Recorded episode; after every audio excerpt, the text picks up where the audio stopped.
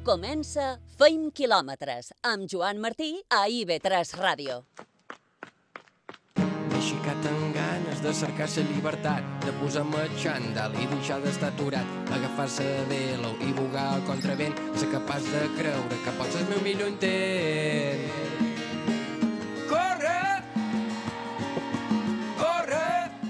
Feim ràdio i feim quilòmetres. Dilluns, 19 d'octubre, programa 204.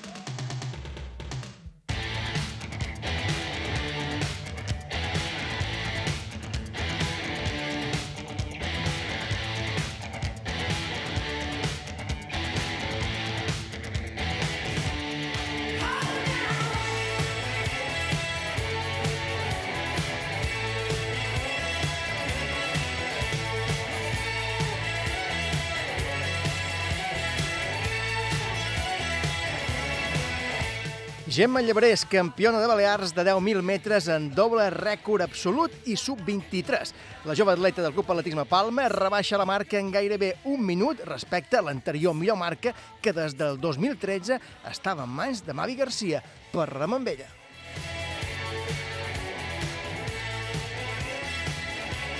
I d'una promesa a una veterana incombustible, l'atleta de Ferreries, Lita López, s'ha acomiadat de la categoria Màster 40 amb dues medalles d'or en les proves de 80 i 400 metres tanca al Campionat d'Espanya. Aquesta mateixa setmana ha debutat ja en Màster 45 i ha aconseguit ja la primera posició del rànquing nacional. També parlarem amb ella. William Aveiro i Damià Ramis, protagonistes d'una apassionant batalla en la lluita per la victòria final a la Trail Running Palma Skyline, versió nocturna. Parlem amb ells.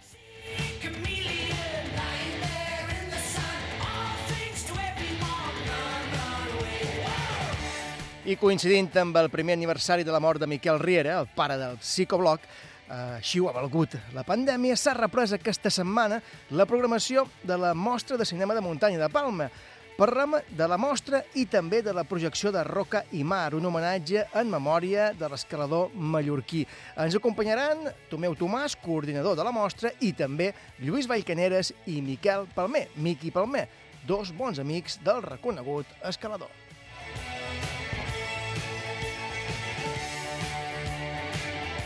I en el pas per l'avituallament parlarem avui de l'artrosi, què és i com apareix. Ens ho explicarà Lucía Barca, fisioterapeuta, infermera esportiva i coach nutricional de Menorca Trainers. I a la sala de lectura, La carretera, de Road, novel·la de Cormac McCarthy, publicada el 2006. Novel·la postapocalíptica i adaptada posteriorment al cinema amb el mateix títol, quilòmetres i quilòmetres de fugida direcció a la platja. Serà aquesta la proposta avui de Carlos Sunyer.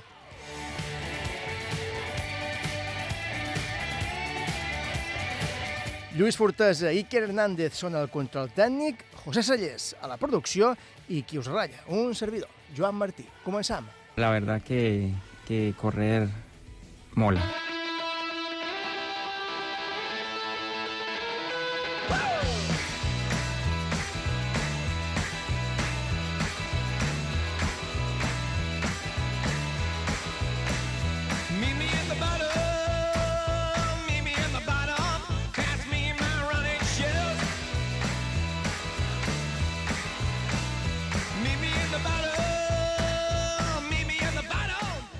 Avançàvem ara en sumaris. Gemma Llebrés s'ha programat campiona de Balears de 10.000 metres amb doble rècord de Balears absolut i sub-23 també.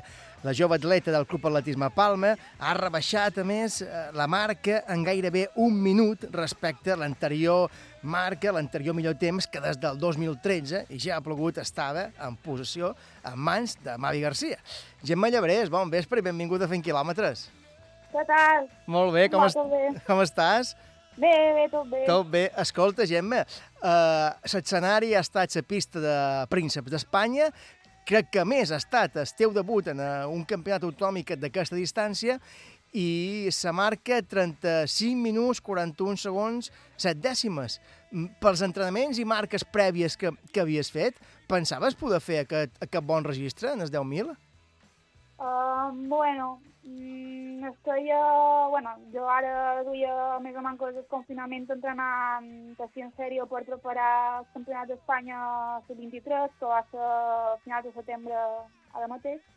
I bueno, sí que havia fet una marca així, havia baixat des de 7 minuts i bueno, sabia que potser podia estar en 36 pocs, que no sortia bona carrera i tal, però baixar de 36 ja ho veia bastant, no sé, difícil i tal, però mira, la veritat és que al final m'ha sortit una bona carrera i pues, estic molt contenta de, d'haver pogut aconseguir aquesta marca. Baixar de 36 era Sí. complicat perquè ja suposava rècord de, de Balears.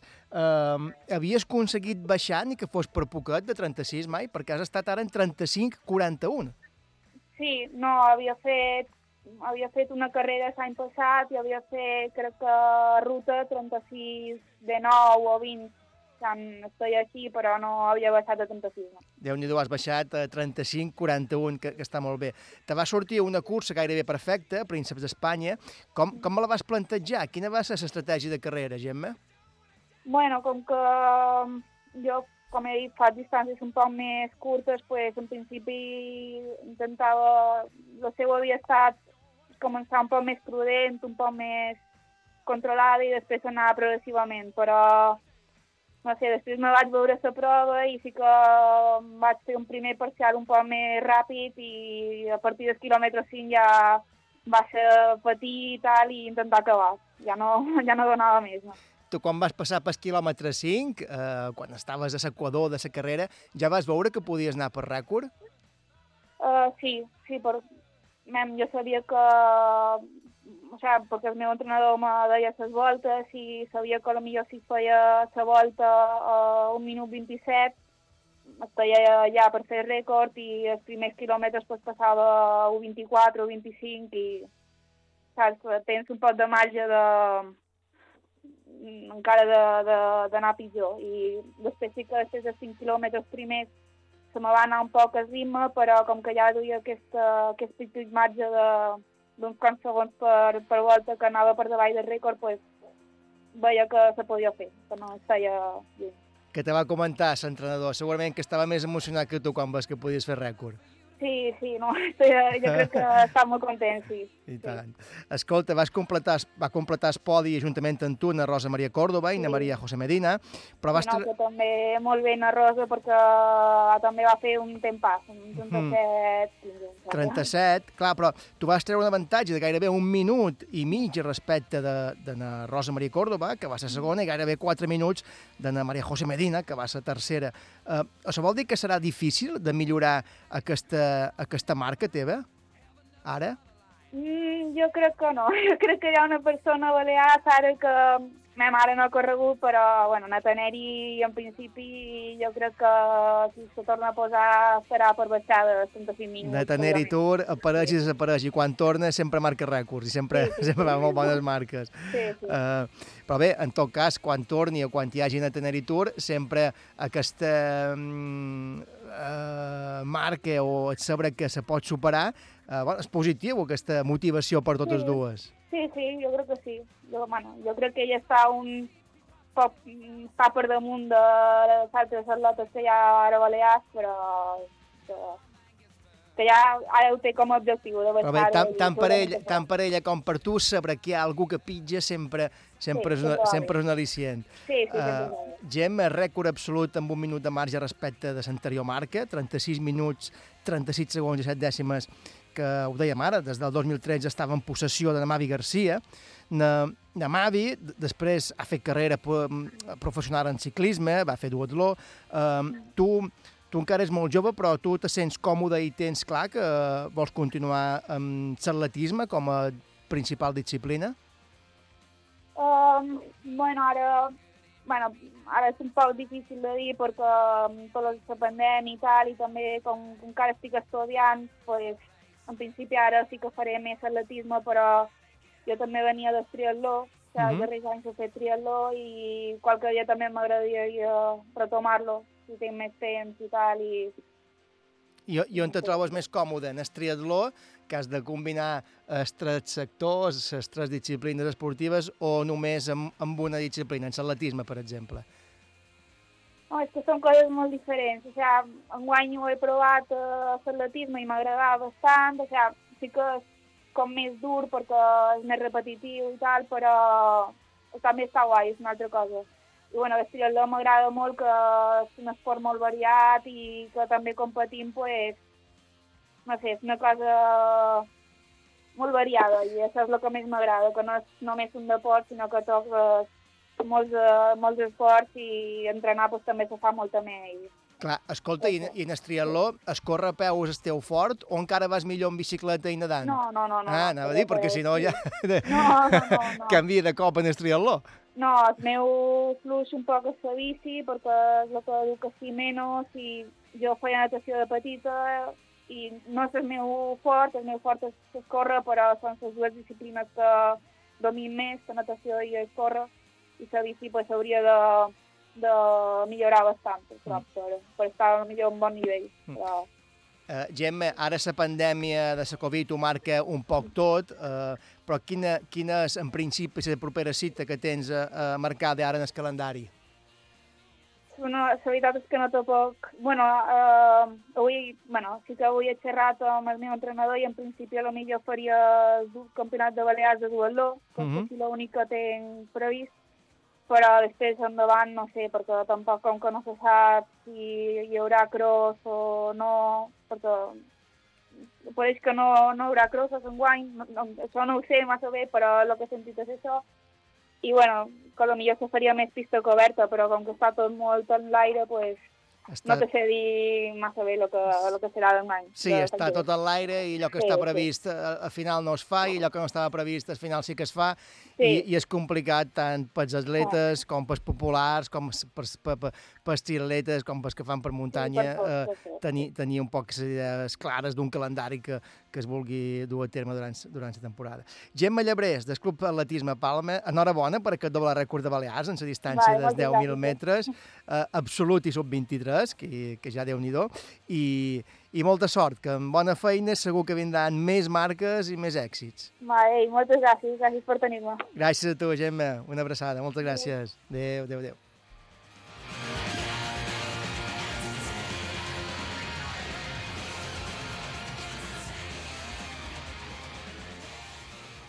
Disco 5 kilómetros.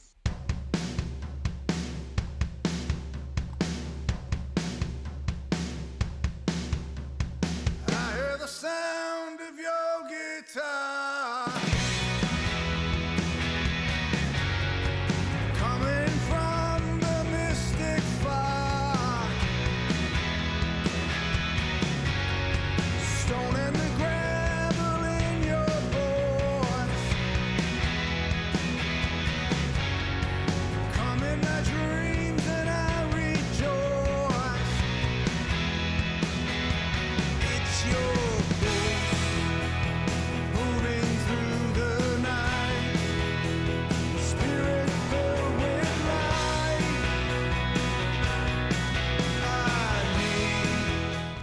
Feina, sacrifici i bons resultats en sap bastant també Nelita López.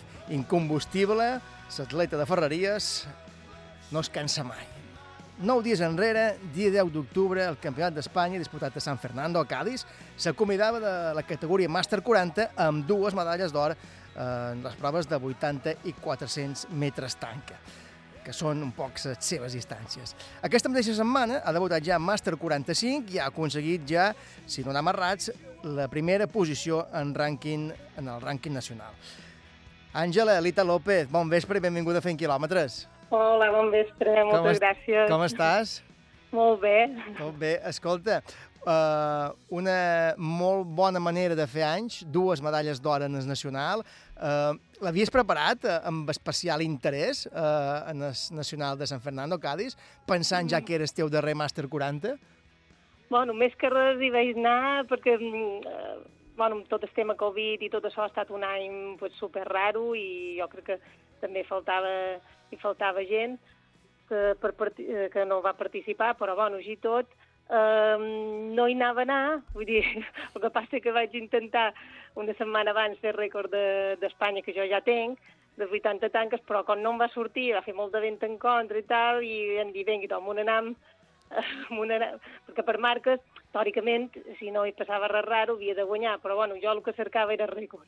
Així que me'n van anar cap a Cádiz, de veres, de veres, i, i bueno, sí que preparava 80 tanques, però bueno, no, no és que hagués preparat eh, aquest campionat en, en especial.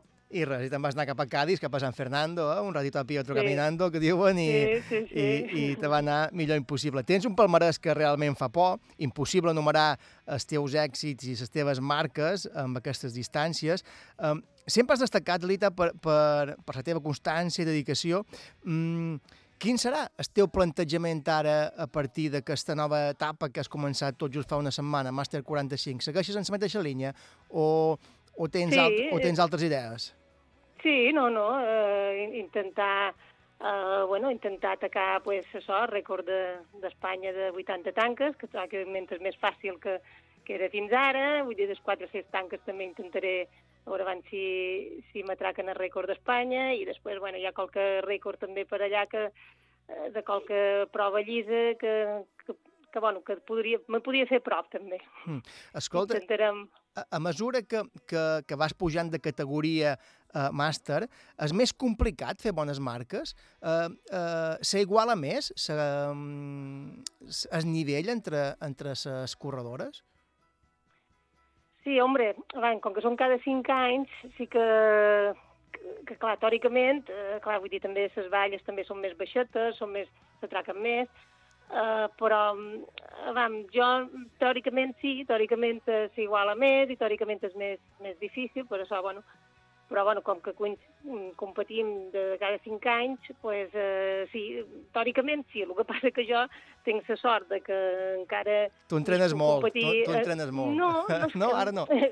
clar, comparat amb el que, entrena, el que he entrenat jo i el que entrenava d'absoluta, vull dir, clar, ara és que entrenen la meitat i, i vull dir, vull dir clar, no, no entren com entrenava antes. També s'edat, també, encara que no vulguem, però bueno, eh, s'edat és per tothom i tampoc no te recuperes igual que te recuperaves abans i, i no entren com entrenava antes.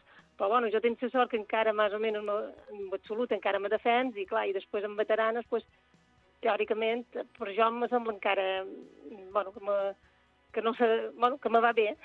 Ara has comentat una cosa que, que crec que és interessant i certa. Uh, L'entrenament uh, hi és i, i és constant, però sí que a sort de recuperar-te um, sí que deu costar una miqueta més, no? O, o necessites més temps per, fer, per anar d'un campionat a un altre, d'una cursa a una altra i rendir al màxim. Sí, jo, bueno, i, més, i amb els entrenaments també. Vull dir, jo crec que no me recupero com, com antes. Vull dir, sí que, vull dir, jo, mm, bueno, jo m'aguant bastant bé, he, per, he anat perdent un poc, però realment en comparació amb altra gent, doncs jo he, he, perdut, he perdut molt poquet, jo me mantenc bastant, bastant regular. Però sí que es ve que, mm, clar, no entren tant, vull dir, clar, jo he arribat a entrenar doncs, dos i tres sessions eh, diàries, que quan jo era absoluta fa, ja mm. fa anys, i, i clar, vull dir, ara això no, no, és impensable ara més també, clar, tinguent un Fiat i clar, vull dir, tampoc no tens el temps que tenia antes tampoc. No. I és, sí, és, es... És a dir, també, antes, antes feia populars, feia crossos, feia tot, i, i en tot xalava, proves combinades, m'ho passava ben tot, però clar, ara tinc de mirar molt bé el que, el que faig, perquè me faig, me, me puc fer mal, o me faig mal, o, me, o no, me, no me recupero igual, i ara sí que tinc de, no puc fer tanta cosa com fa antes, que antes ho feia tot, hasta mitges maratons, és que jo, jo feia tot antes, ara ja no. Clar, aquí, aquí anar ara. Um, sempre has destacat en els 80 i 400 metres tanca, tant quan eres absoluta, com ara que, que ets màster, curses de velocitat i sobretot de, de destresa, no?, de, de, de, de tanca. Diuen que amb els anys també um, sí que es necessita més temps de recuperació, com bé comentaves, però també es guanya en capacitat de resistència. No? Eh, T'has plantejat en aquest sentit fer un canvi més cap a, més cap a una distància més llarga, cap als 10.000, cap a la marató, cap a la mitja marató, tornar una mica cap enrere? Això, amb això tu has... Clar, això, això el que de, jo d'absolut, eh? de, de principi, de, bueno, pues jo anaré seguint, i quan vegi que aquest és que han tancat, o que no, que no millor marques, o que pues, eh, me pujaré de distàncies. Jo pensava que amb el temps, pues, bueno, faria, pues, havia, vaig ser qualque 800, vaig, ser, vaig arribar a ser dos de nou, i, i bueno, i això el que t'he dit, que també vaig fer qualque mitja marató, qualque cross i tot, però eh, vull dir, jo sempre se m'ha donat bé les 400 tanques, ha estat la meva prova i vull dir, eh, vull dir clar, se, se, inclús ara en absoluta és, el que destac més amb, amb les 400 tanques, que és la prova que, que jo entren. I, i clar... I No te veus ha ara, arribat fe, aquest- fe, no te veus fent maratons ara, o, o No. mitges maratons. No t'hi veus, no No, de moment no, perquè a més a més, com que tinc... Jo t'ho dic, vull dir, en, en, en, sa, en el club del Manresa encara estic a, eh, encara som titular en sa, en sa lliga de divisió d'honor, en, en 400 tanques, vull dir, i dius... Eh, eh, no ho sé, de, a més a més m'ho pas bé, m'agraden les tanques i, i és el que se m'adona millor. I van, I quan una cosa va bé, no, no l'han de tocar. El mèrit de tot el que has aconseguit és teu, evidentment, però sé que t'agrada compartir-ho o compartir-ho amb una persona que, que no es cansa d'encoratjar-te i, i d'animar-te sempre. Uh, Manolo Muñoz, bon vespre. Benvingut també a Fent Quilòmetres. Com, Bona nit, Joan. com estàs? Tot bé? Bé, Bon- tot bé, Joan. Bon vespre. Escolta, Manolo, ets parella i entrenador d'Analita. Uh, com veus ara el futur immediat de, de, d'Analita? Pot continuar dins aquestes mateixes marques a, a Màster 45? Hombre, el nivell i les marques cada any baixen una miqueta per, per llei natural, Eh, però ella té la sort, ja ha dit ella, que eh, baixa a poc a poc les marques. Eh, fa uns anys fèieu dos, en les quatre valles, després tres, l'altre any eh, ja ho quatre, i enguany, que només ha pogut, competir molt poc, culpa del coronavirus aquest, eh, està amb un 5. Cada any està baixant mig segonet, un segonet, i a poc a poc el seu nivell davallen, però així tot davalla menys que unes altres atletes i per això encara se pot aguantar entre les lotes de la seva edat entre les millores d'Espanya. Uh, llei de vida, però bueno, ella té un bon enveí. Mm, eh, ara ho comentaves, eh, aquesta pandèmia ho ha trastocat tot. Imagino que feu una planificació sempre conjunta. Teniu enguany un calendari definit o després del Campionat d'Espanya de San Fernando, de Cádiz, eh, ara és a, a veure què vindrà? No, no pot... Enguany tot és un cachondeo, un cachondeo perquè uh, tot està capgirat. Uh, planificació pràcticament uh, uh, és molt difícil. Mira, per exemple, han fet els campionats d'Espanya, els els absoluts, bueno, ella no, els atletes més, Sí. els més joves, l'han fet fa un mes. Ell ha fet el campionat d'Espanya ara. Tot això es tocava haver fet el mes de juliol, Mhm. agost, el mes de juny. La gent no estava preparada, ha estat una aquí de pillo, aquí de mato, la gent no, no ha pogut planificar res. Ara, la setmana passada, encara es va fer el campionat de Balears de 10.000, que ha estat una entrevista a la Gemma. A la Això Gemma. es feia el mes de març. Cada Mhm. any, durant els, els darrers 40 anys, es, fa, es feia, o 30 anys, es feia el mes de març, i s'ha fet ara el mes d'octubre. I tothom està amb, amb el peu eh, trastocat. Tots anàvem no sabem com entrenar, com, com competir i com, i com fer-ho. Però, mira, fem, se, fa, se fa el que se pot. Clar, Lita, i a nivell d'entrenaments, costa més entrenar quan tens 45 anys i no hi ha una competició a la vista? Se, se, se planteja de manera diferent? Hombre, eh, eh, va, jo supos que tantes, eh, tantes si tens 45 com si en tens 20, però bueno, jo crec que si vols, vull dir, van, eh, te'ls inventes, si no hi ha competició te'ls inventes. Sí, però si en tens 20, saps que, si en tens 20, saps que, que si ara perds un pot de forma, que la recuperar ràpid. Si en tens 45, sí. potser si la perds, costa més després Això, recuperar-la. això sí, vull dir, clar, jo, jo sempre ho he dit, la, la forma és molt mala d'agafar i, sa, i, és molt bona, i és molt bona de fer perdre-la. Però, bueno, jo, mm, vam, inclús dins, dins la pandèmia i això, vull dir, jo no vaig estar aturada mai, i no he sabut estar aturada mai, ni siquiera quan està embarassada. Vull dir que no només perquè hagi de, perquè hagi de fer una competició, sinó perquè jo mateixa ho necessit i, i, i és el que m'agrada i, i és el que faig. Que, que, bueno, que, que sempre, pues, eh, clar, intentes seguir un, un ritme que cada temporada, per, per temporada, vas, clar, després vas afinant, clar, nosaltres fem com a dues, dues temporades, eh, la temporada de pista coberta i la pista d'estiu. I, clar, i més o menys eh, saps quan vols estar bé.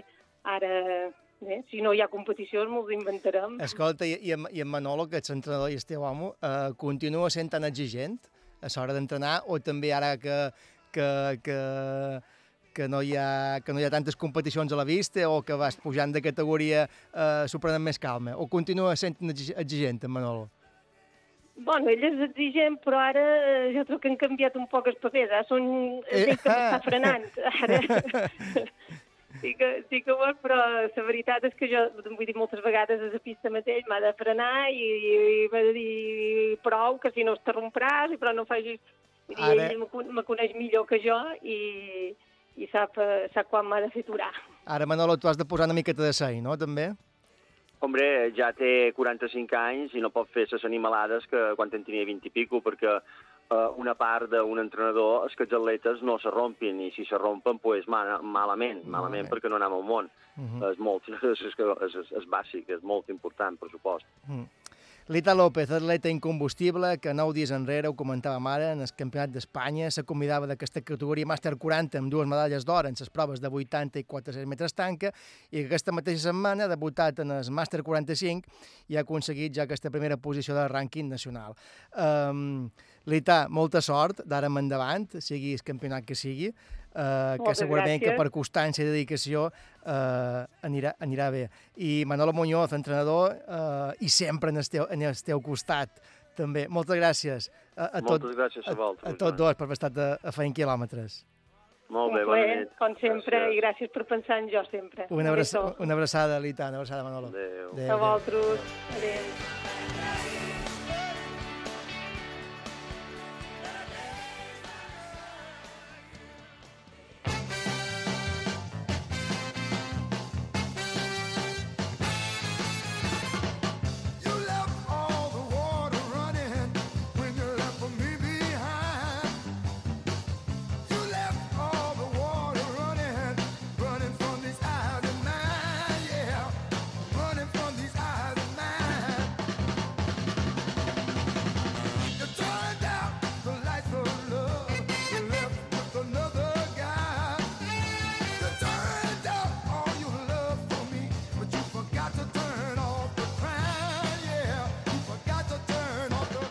José Sallés, bon vespre. Vespre, Joan. Lita López, una atleta eh, realment admirable, eh? Sí, perquè els anys passen, però hi ha costums que es mantenen. Sempre hi és Lita López, 45 anys, i els seus registres són de número 1. déu nhi I parlant de número 1, uh, un que tampoc es cansa és Kilian Jornet. No sé si has vist que ara ha provat, ha provat a córrer amunt l'asfalt, tot i que no, no va quedar molt content, tampoc, del tot. Però ho va fer millor que nosaltres, això des de luego. I tant, i tant. El que per qualsevol dels mortals és una gran marca pel corredor català no ho és. No va quedar del tot content amb el seu debut a l'asfalt. Ha estat a Noruega, en una edició especial de la Hiteplan Mila, men si ho diré bé, a la ciutat de Reuten. El català ha baixat de la mitja hora, ha fet un temps de 29,59 i ha quedat 18. déu nhi qualsevol firmaria aquesta, aquesta mare, però, aquesta marca, però Kilian Jornet és molt de, és molt de Kilian.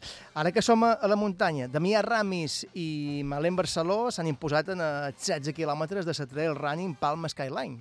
Sí, a més, Damià Ramis ha estat segon també de la versió nocturna i aquí els més ràpids han, els més ràpids han estat eh, William Aveiro i Laura Martorell. Sí, eh, Damià Ramis va quedar segon a la nocturna i ha guanyat la diurna, déu nhi I nou èxit, per, per cert, d'Àngels Llobera una altra vegada també a ca- cap de setmana. Quin és el cap de setmana que no aconsegueix Eh, en res Àngels Àngels Llobera? Aquesta és Llobera, la pregunta. sí, sí. Ha estat el Gran Premi de Diputació de Zamora, on la Pollancina s'ha imposat de manera contundent. Després de recórrer els 34 quilòmetres de la cursa, ha creuat la línia de meta en 3 hores 45 minuts i 48 segons, quasi 3 quarts abans que les seves perseguidores, Joan. I en Miquel Àngel Esteller, campió d'Espanya sub-18 a Tarragona.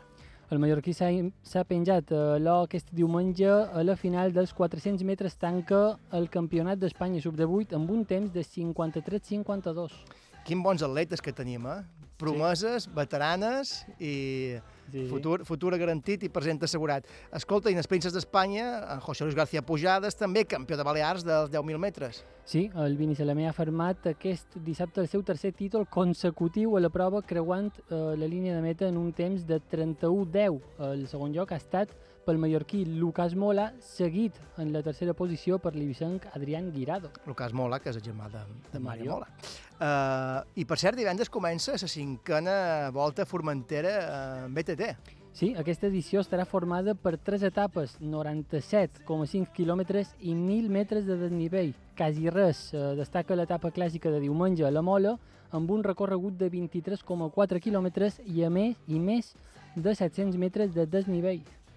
Tres etapes de 97 quilòmetres i mig i 1.000 metres de desnivell. Això serà la volta a Formentera MTT. Uh, José, sembla fer una aturada per la publicitat i tornant tot d'una amb Damià Ramis i William Aveiro. Toca quina batalla, quina batalla que han, que han Mos hem de disputat. refrigerar un poc abans de lo que vendrà, que no Va. és poc.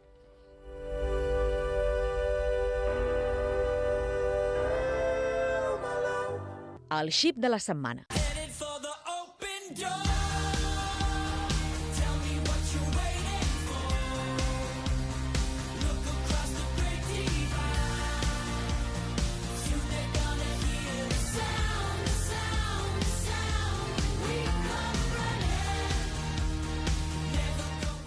Damià Ramis, ets sens dubte el xip de la setmana, un dels noms propis d'aquest cap de setmana. Guanyador ahir de la primera Trail Running Sky Palma. 16 quilòmetres de recorregut i 510 metres de desnivell per la zona de Burgosa, a Palma. Ahir s'adjudicava aquesta primera edició, però eh, clar, el cap vespre abans s'havia adjudicat la versió nocturna de la mateixa edició, de la mateixa distància i mateix recorregut. Damià Ramis, bon vespre i benvingut a Feint Quilòmetres. Bon vespre, què tal? Molt bé, i tu, tu de dues en dues, va, ja, eh? eh Bueno. Estàs recuperat d'aquest doble esforç? Bueno, triple, perquè avui també ha tocat feina, o sigui que... Clar, avui en, sí, i tant, eh, triple esforç. Però bé, Sí, bueno. eh, eh, en aquell cas va ser perquè mm, vas veure que vas fer segon i te vas veure amb ganes d'acabar d'aconseguir la primera posició l'endemà o com va ser això? Bueno, eh, va ser com un poc... Eh, com molt precipitat tot, perquè el meu compte, antes de córrer aquestes dues curses, era intentar anar a fer 10.000 de pista. I bueno, per, per unes raons de, de fitxa no vaig, no vaig poder competir, i bueno, i, i vaig dir, pues mira, competiré dissabte i diumenge, O ja ho sigui, veurem. tu tenies pensat anar a córrer el Campionat de Balears en els Prínceps d'Espanya, en els 10.000, Sí. no? Que, I al final no, no, no, No, per, per raons de fitxa, federació i tal, bueno... fitxa eh, federativa i federacions i, i històries Sí, vàries, mhm, que no hi entrarem, no vas poder, no vas poder Eh. competir, i, i en lloc de posar-ho difícil a en José, en, en García Pujades, que va guanyar eh, els 10.000, te'n vas anar a posar-ho difícil a Naveiro, Eh, en William Aveiro. En- Bueno, Escolta, sí. sí. anem per parts. Dissabte que vespre vas quedar segon de la prova nocturna per darrere, per darrere Naveiro, ho dic bé, eh? Sí, sí, Um, correcte. Eh. William Aveiro, bon vespre i benvingut també fent quilòmetres. Muy buenas noches, eh, Joan. Muchas gracias por invitarme una vez más. Muy contento por estar aquí una vez más compartiendo. Buenas noches, Dami. Que, que Buenas, ¿qué tal? Buenas noches. William, eh, primer classificat, eh, eh, seguit de Damià Ramis. Eh, William, com, com va ser la carrera? Va ser molt disputada? Te- T'ho va posar difícil en Damià?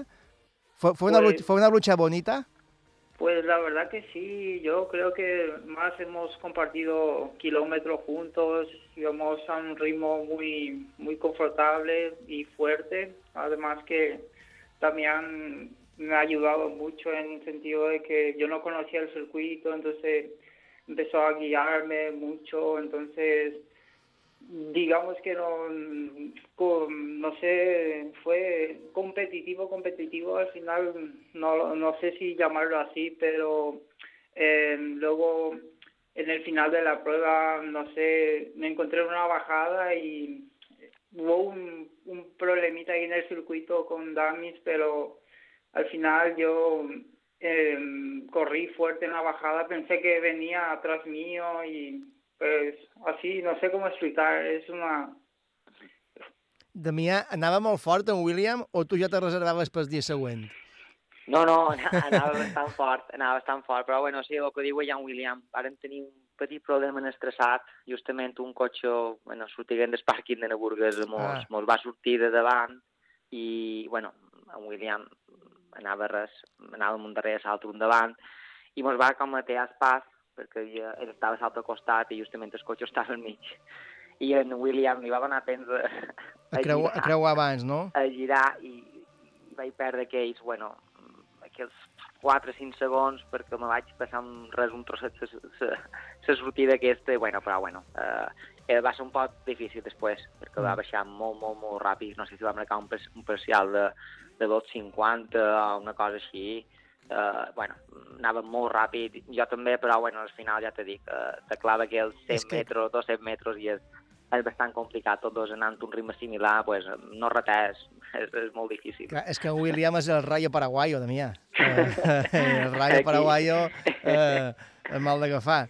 Eh, William, No, no, sí. Y, y, William, ¿qué te parece a ti la actuación de, de Damián Ramis? El sábado acaba segundo y luego la mañana siguiente gana la carrera. Ah, Yo creo- ¿Eso es porque tú no competiste el domingo?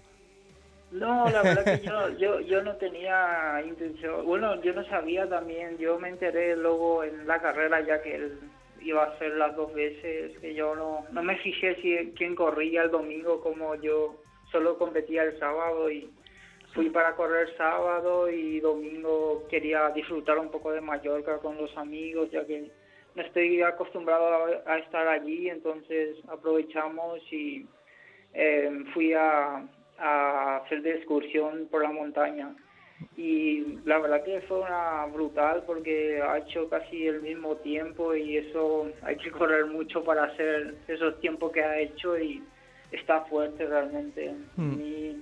Yo no creo que haría lo mismo ni en esos tiempos porque es muy duro correr la montaña. Eh, Da- Damià, com és això de córrer ara enmig d'aquesta pandèmia? Es complica tot més, també, per muntanya? Sí, al final crec que tenen molt de problemes eh, els organitzadors i, i crec que tenir el suport de, dels atletes de que per almenys oferir una inscripció i que puguin tancar inscripcions ràpid, per almenys dones una mà de qualque manera als organitzadors, però bueno, que és, és bastant difícil perquè eh, a nivell popular d'aquí no te demanen una PCR negativa, pots ser, pots ser asimptomàtic i tenir febre, però, o no tenir febre, perdona, i, i, bueno, i participar a la cursa sent asimptomàtic i contagiar més gent, però clar, eh, és molt costós això, i, però bueno, eh, o sigui, de totes formes, estan donant bona els organitzadors perquè qualcú, qualcú ha de començar a, Sí, en a aquest, organitzar curses. en aquest sí, cas sí. l'organitzador era el Club Marató Mallorca, que és d'agrair Sí. no? que, que posin Sí. en marxa i s'arrisquin també i, Evidentment, i tirin sí. endavant aquest tipus de, de, de curses, que, que era la primera edició que es feia també d'aquesta Mhm. Palma, Sky- de Palma Skyline Sí, sí, per, sí. per aquesta zona. Sí, Eh, no, estan donant bona, o sigui, estan donant bona total, sí. William, tú acostumbras Sí. a correr a correr más por, por Ibiza. Eh, visto lo visto, tendrás que hacer alguna visita más aquí eh, por Mallorca. Pues la verdad que este año comencé corriendo en, en Valencia, en Denia, que comencé ganando y luego de ahí fui a, eh, a Formentera y luego aquí en Ibiza todo y, y luego ahora en Mallorca. Yo creo que eh, me gustaría correr más este año. Tenía previsto correr la Spain Ultra Cup con el nuevo equipo, pero al final con esta pandemia ha cambiado toda la historia y se queda para previsto para el año que viene ver qué tal. Y todo está en el aire. Sí, y la verdad que a mí me gusta mucho Mallorca. Yo siempre tengo ilusiones de estar ahí, hasta tengo muchas ilusiones en Mallorca. Me gusta mucho, incluso disfruté mucho el circuito, sufrí en las piernas, pero en la cabeza creo que lo tenía muy fuerte. Eh, Damià Ramis, ara que no vas poder comp eh, competir en els 10.000 per fitxa federativa, ho tens arreglat ja?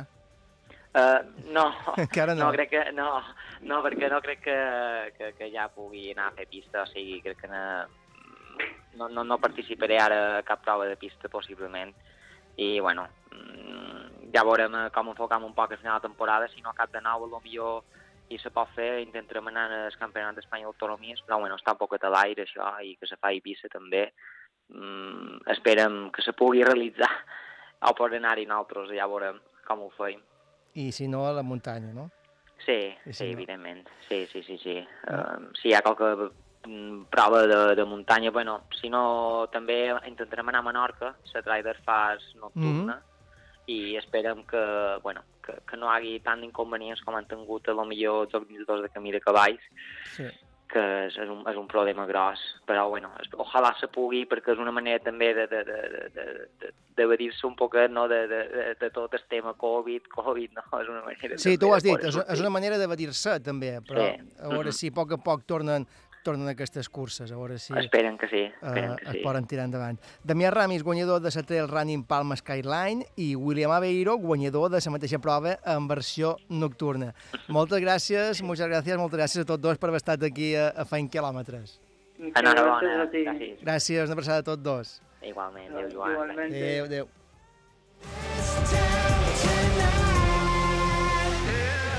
Fem una aturada per la publicitat i passam per l'avituallament.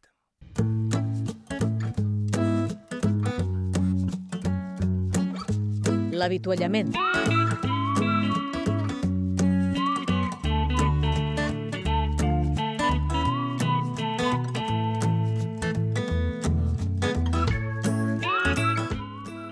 I ara sí, obrim consulta ja, tenim a Lucía Barca, fisioterapeuta, infermera esportiva i coach nutricional de Menorca Trainers. Lucía, bon vespre, benvinguda a Fent Quilòmetres, una setmana més. Com estàs? Bon vespre, muy bien. Tot bé? Aquí, sí. Escolta, parlam avui d'artrosi, no? Què és i, i com apareix. Mm, primer de tot, que, mm, mm, ens fem aquesta pregunta, no? Mm, què és l'artrosi? Pues la artrosis es la enfermedad degenerativa a nivel de la articulación, de las articulaciones, más frecuente. Y se caracteriza por la destrucción del cartílago que recubre esa superficie de, de dentro de, las articulaciones. Mm, Si pensamos en el cartílago, es un tejido que hace de amortiguador al proteger los extremos de los huesos, que favorece que haya ese movimiento porque es, es viscoso, Ah, cuando se desarrolla esta artrosis, este cartílago pierde sus propiedades, se queda como seco, se puede agrietar, incluso puede llegar a desaparecer, haciendo que, que los extremos de, de esa articulación de los huesos friccionen directamente y eso puede provocar dolor. I, I quins serien els principals símptomes de l'artrosi? Pues el principal síntoma es el dolor, que puede ser un dolor de inicio insidioso, puede ser un dolor profundo, mal localizado, ah, que puede aparecer cuando hacemos un esfuerzo y que en general empeora a medida que avanza el día. ¿no? Con, eh, con el progreso de la enfermedad, el dolor puede aparecer también en reposo o durante el descanso nocturno, que esto es muy desagradable para las personas que lo sufren. Clar, I escolta, i l'artrosi pot arribar a deformar les articulacions? Sí, es otro de los síntomas mm, bastante frecuentes, además. Puede deformar y, y puede además limitar ah, la movilidad.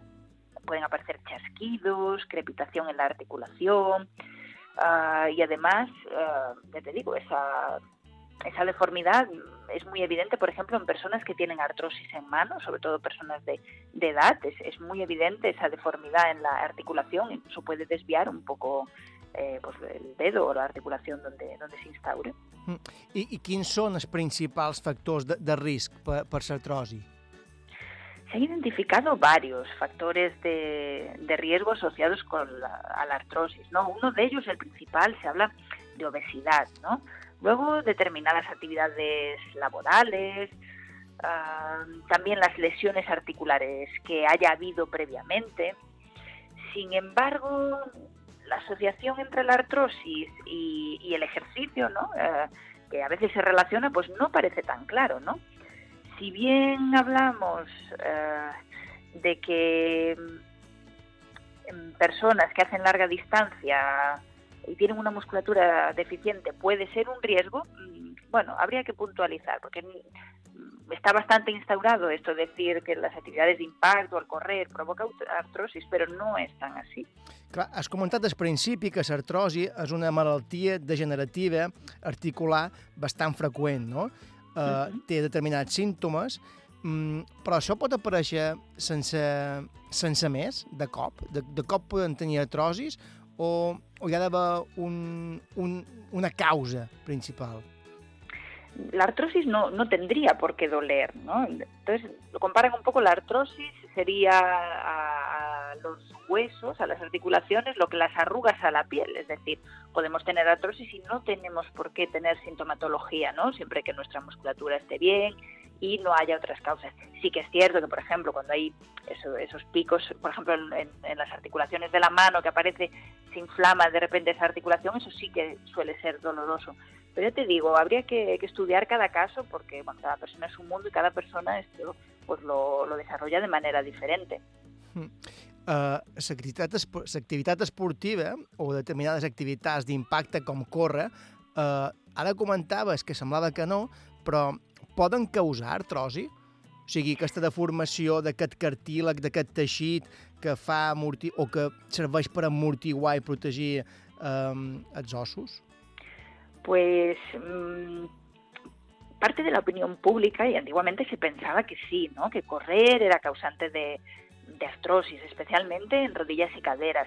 Sin embargo, se ha investigado mucho sobre esto y algunos estudios demuestran cómo la artrosis es mucho más frecuente en sujetos sedentarios. Por ejemplo, hay un estudio que habla de esto de Cracavati del 2008. Ah, una de las hipótesis que utilizan a la hora de explicar la artrosis es que y que provoque eh, que provoque pues estos estos problemas en, en personas que corren es por acumulación de impactos o cargas repetidas en estos tejidos que puede comprometer las estructuras. Mm, No obstante, si la carga mecánica que provoca la carrera es la adecuada, se ha visto que puede provocar una adaptación beneficiosa en las articulaciones y tejidos circundantes, teniendo la carrera como un factor eh, protector, ¿no? Esto sería importante, es decir, si el impacto es controlado, mm, ya no es que sea malo, es decir, puede ser bueno para nuestras articulaciones, ¿no? O sigui, apareixeria uh, més en o podria aparèixer més en persones sedentàries, però també pot aparèixer quan hi ha impacte, però no té per a què aparèixer. Exacto, es, es un poco complejo. Eh, Quiero decir, si, si dosificamos correctamente, si no nos pasamos, si nuestra musculatura está bien, se ha visto en estudios recientes que incluso puede ser bueno, eh, pue- podemos mantener eh, bastante funcional ese cartílago haciendo actividades de, de impacto, es decir, ah, no, bien hecho, Sí, com més feina li dones en, aquest amortiguador, millor uh, funciona, no? exacto, exacto, Com un manco, aumento del metabolismo Clar. en esa zona, com manco utilitzar aquests amortiguadors eh, es desgasten més per, per la pràctica de, per la poca pràctica eh, que li donam, o per poc ús que en feim. No? Escolta, i, i quan una persona pateix artrosi, sigui per motiu que sigui, eh, mm, què s'ha de fer? Pues primero un, un estudio, porque como decíamos depende cada caso, cada persona, si tiene otras patologías, pero lo que lo que se recomienda muchísimo es que se muevan, que hagan actividad, eh, incluso bueno visitar al fisioterapeuta y que le ayude a probar hacer un- una programación de, de actividad. Recordemos que nuestra musculatura es nuestro seguro de vida y lo que nos va a ayudar a mantener nuestras articulaciones protegidas y va a ayudarnos a disminuir esos umbrales de- del dolor, ¿no? Lo que siempre os digo, estamos hechos para movernos y bien hecho, de manera individualizada, personalizada, ah, nos va a aportar mucho beneficio y en la artrosis mucho más. Nosotros trabajamos mucho con personas con artrosis, mayores y no tan mayores, y la verdad que los, los beneficios son, son muy buenos. I l'edat té alguna cosa a veure aquí o no té res a veure? Mm, Ah, pues las personas con a mayor edad aparece más frecuentemente artrosis, ¿no? Si lo comparamos un poco con, sí, con la ha, piel, así entre comillas. ja, però hi ha gent jove que pateix artrosi. Sí, ahí hay una, una cuestión que es genética también y luego otra de actividad. Por eso hay que individualizar mucho cada, cada caso.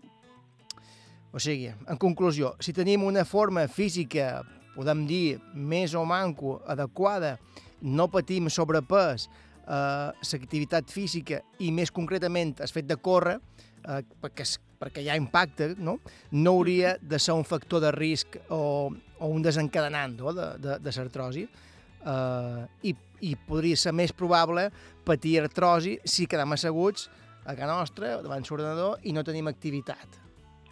Exacto, exacto. Va, va un poco por ahí. Estos estudios en los que en los que hemos estado ah, que hemos estado leyendo, que hemos estado indagando un poco más, van un poco por ahí. Eh, es decir, bien periodizada, incluso una actividad con impacto puede ser beneficiosa para nuestras articulaciones y nuestros cartílagos. Però l'artrosi es, es, eh, o sigui, se pot, o sigui, es, es pot curar o, o es, po- es pot eh, minimitzar. minimizaríamos sus, su sintomatología. La artrosis estaría ahí, al final es ese, eh, esa degeneración, ese crecimiento anómalo. Mm, Lo que podríamos minimizar es la sintomatología que da. Por artrosis mm, de por sí no tendría por qué ser dolorosa. Clar, Ah, sí, el que m'ha cridat l'atenció és el que has comentat, no? que l'artrosi no té per què ser dolorosa, no? Eh, El fet de comparar-la com has fet, eh, l'artrosi, que dius que l'artrosi és en els ossos, eh, allò que les arrues són a la pell, no? Eh, salvando las distancias que- un poco clar, para, para que lo clar, no, no, però m'ha cridat l'atenció perquè una persona pot patir artrosi sense saber que té artrosi. Sí, sí, sí, sí. eh, las personas con los años nos fueran haciendo pruebas de imagen encontrarían mucha ah, patología que es asintomática. Esto en Estados Unidos se hizo un estudio muy potente con, con resonancias. a nivel, estudiaban a nivel lumbar, pero se Ujú. estudió también en otras zonas y encontraban muchas personas asintomáticas haciendo vida totalmente normal con lesiones más graves que otras personas que que tenían sintomatología Ah, por lo tanto, que no siempre eh, quiere decir que, que haya una lesión, tiene que haber dolor, ¿no? Y con la artrosis pues pasa lo mismo. Mm, Muchas personas pueden tener artrosis y no, no tener sintomatología y otras, sin embargo, sí que pueden tenerla. Clar, una persona que el- pot ser que tingui artrosi i no té dolor perquè, perquè no fa activitat, un dia comença a caminar o comença a córrer i és quan apareix després aquest dolor perquè es cartila que està, està gastat. Exacto, o hace una mudanza o hace algún gesto más... I és quan te dones compte i dius com pot ser que ara tingui mal si no havia tingut res mai, no? O sigui, Exacto, es- eso es frecuente. Lucía, Lucía Barca, eh, fisioterapeuta, infermera esportiva i coach nutricional de Menorca Trainers. Avui hem après què és l'artrosi i com podem fer per minimi- minimitzar-la. Eh, T'esperam la setmana que ve. Aquí estaré. Aquí, aquí serem també nosaltres. Fins la setmana que ve, Lucía. Una abraçada. Gràcies. Una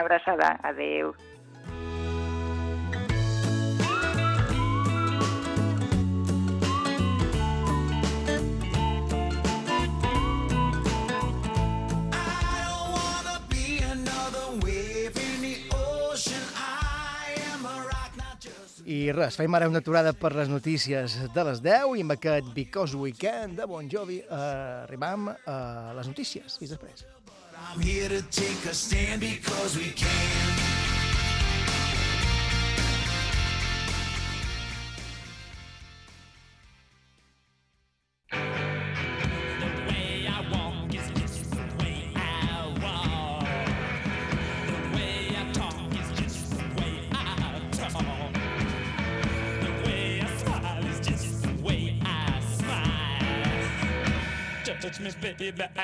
L'entrevista.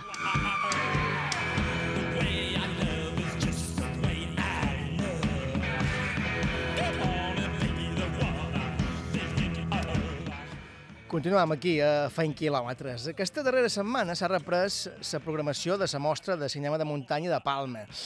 L'edició, la número 11 ja, va començar el passat mes de març, però una part va quedar ajornada per mort de, per mort de, de la pandèmia. Com deien, s'ha recuperat la mostra i ho fa amb cinc sessions de cinema documental de muntanya i natura. Des de dimarts passat, 13 d'octubre, i fins al dimarts que ve, dia 27, el Teatre Xes Fortesa és escenari de projeccions i col·loquis ineludibles pels apassionats del cinema, del documental i de la muntanya també en general. Tomeu Tomàs, coordinador i responsable de, de la mostra, bon vespre i benvingut a Fent Quilòmetres una vegada més. Hola, bon vespre. Com estàs? Molt bé. Eh, el mes de març va començar, com comentàvem, amb la mostra, va quedar interrompuda per, per la pandèmia, però després heu pogut continuar en, en diferents fases, no?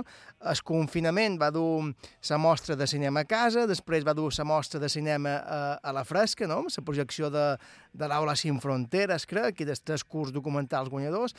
En certa manera, podem dir que la pandèmia també ha estirat aquesta edició durant, durant tot l'any. Sí, en certa manera i ben clarament.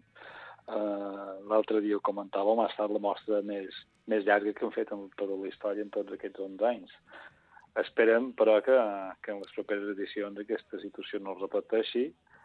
Voldrà dir que, que la situació sanitària ha millorat i que poden tornar a, a poc a poc a la normalitat i, que bé, i que puguem reprendre l'activitat econòmica, cultural, educativa, etc., eh, en la màxima normalitat possible.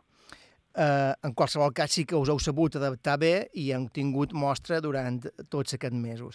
Dimarts passat es va reprendre el festival, com dèiem, amb una sessió non-stop de 22 curs documentals seleccionats, d'un total de 290.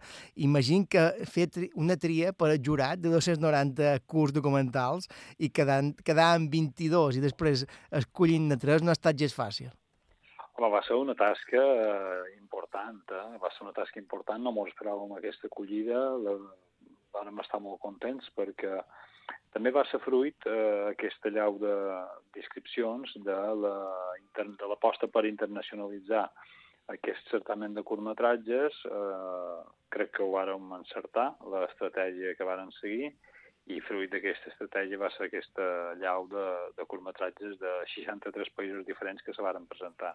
Després vàrem, anar fent els visionats d'aquests curtmetratges fins a fer una preselecció de 63, si no record malament, per després anar a la selecció oficial, que és la que se va projectar en un marc de la mostra, que va consistir en 22 curtmetratges, i d'aquests 22 curtmetratges en- se'n varen premiar tres. Tres que van ser premi a millor curtmetratge de muntanya, millor curtmetratge de natura i premi també a millor uh, fotografia. És així, no? Exacte. Sí, sí, Mhm. sí, així va ser.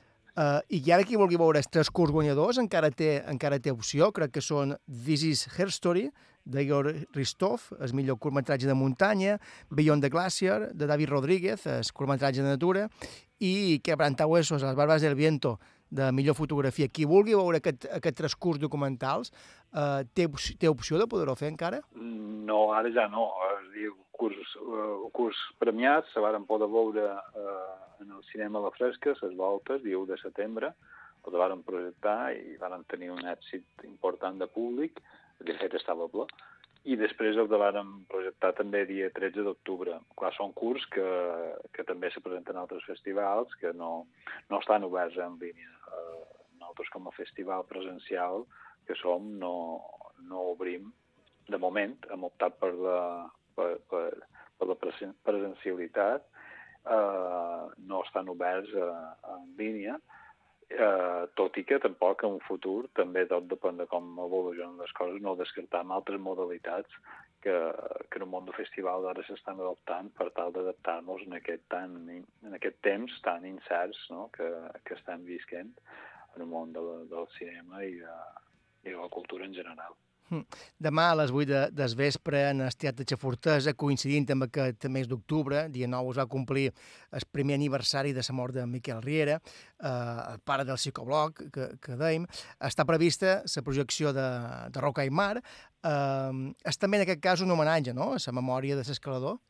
Sí, sí, sí, clarament. Eh, des, de, des de la mostra vàrem, vàrem creure que, que era oportú fer un reconeixement a, a la trajectòria de Miquel Riera i en aquest sentit, a dins la programació d'enguany vàrem pensar que, que seria dient dedicar-li una sessió completa.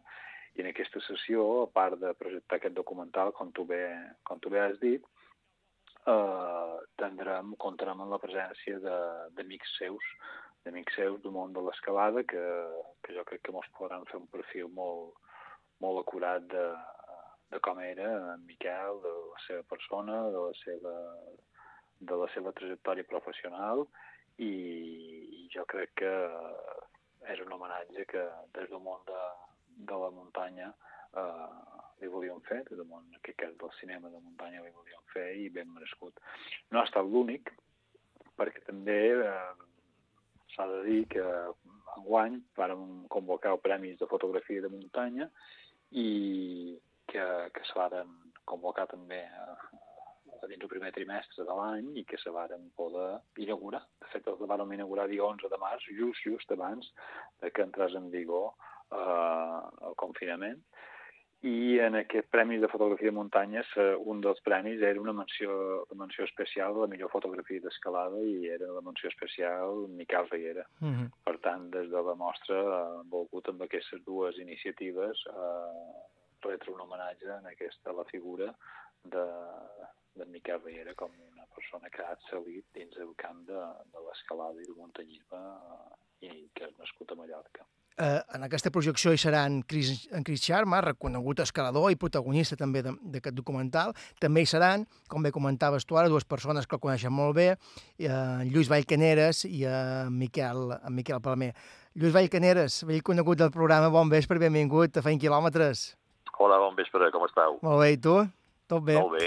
En, en tu n'hem parlat ja diverses vegades, eh, amic i company de batalles de, de Miquel Riera i editor d'aquest llibre, d'aquesta novel·leta que, que va treure pòstuma, el Guia Libertino per Manolo López.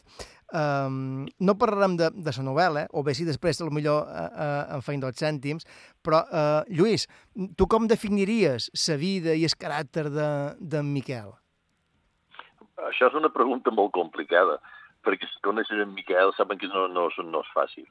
En Miquel és una persona que va haver de fer-se a si mateix i va tenir un començament, jo recordo que me contava que la seva infantesa m'ho contava com una cosa trista, fosca. I en canvi l'escalada li va donar, no sé, una, una, un modus vivendi, una forma de- d'expressar-se.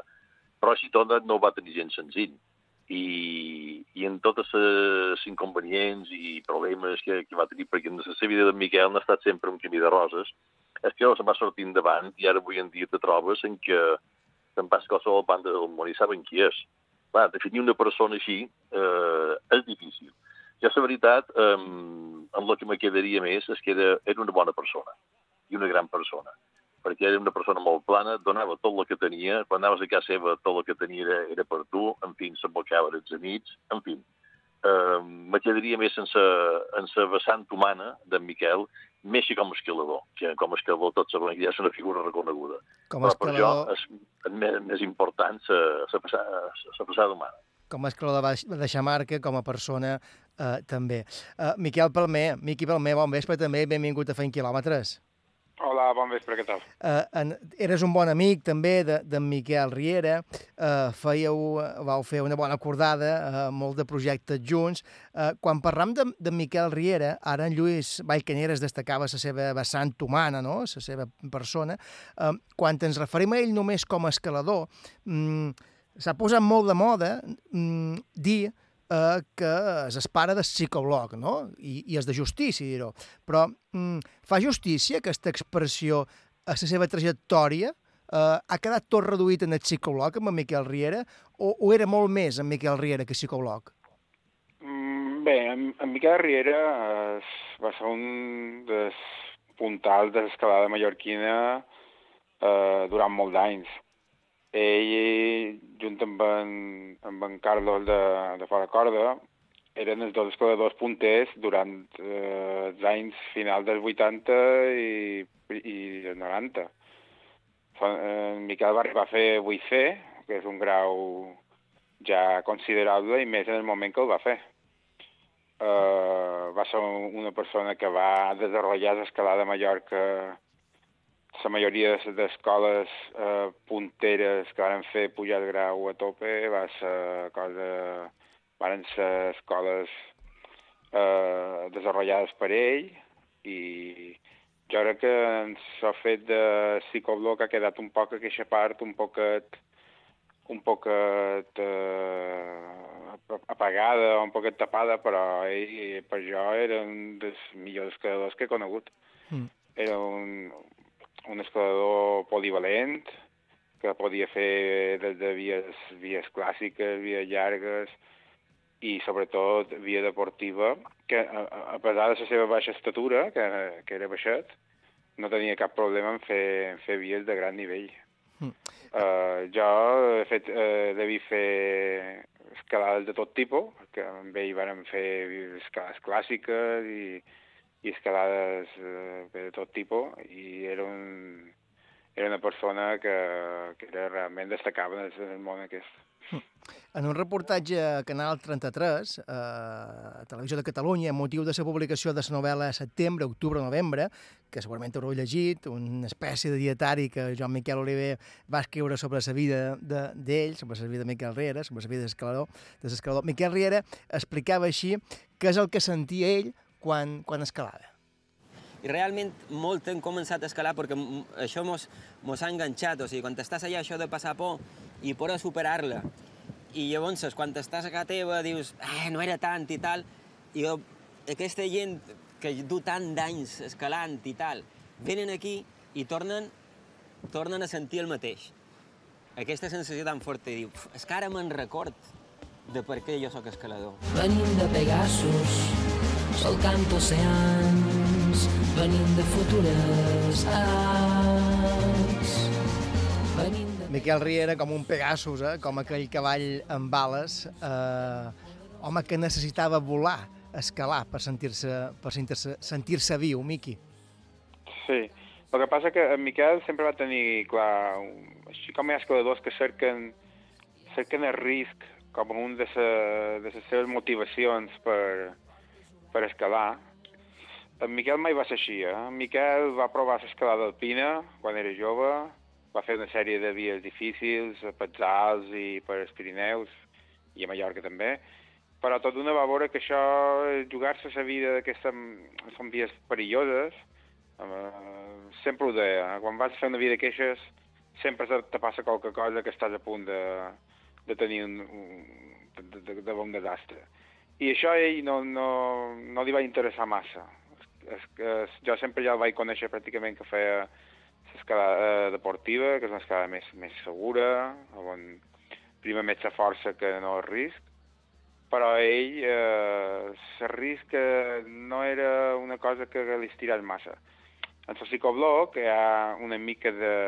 hi pot haver caigudes més importants que en l'escalada esportiva, però sempre, sempre fet d'una forma d'una forma prudent, en què la mà estigui bé i que la paret que escalis estigui, estigui desplomada, que puguis caure dins la mà sense problemes, eh, és difícil que passi res.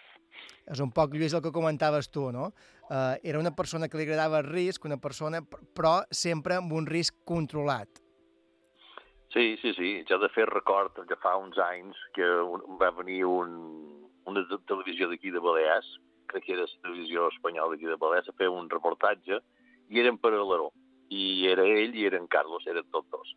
I li van demanar aquesta, aquesta mateixa pregunta, dir, a tu, um, per què escala, no sé què, i que va dir, mira, això d'anar per la muntanya, passar fred, bater-te i tal, això no m'interessa.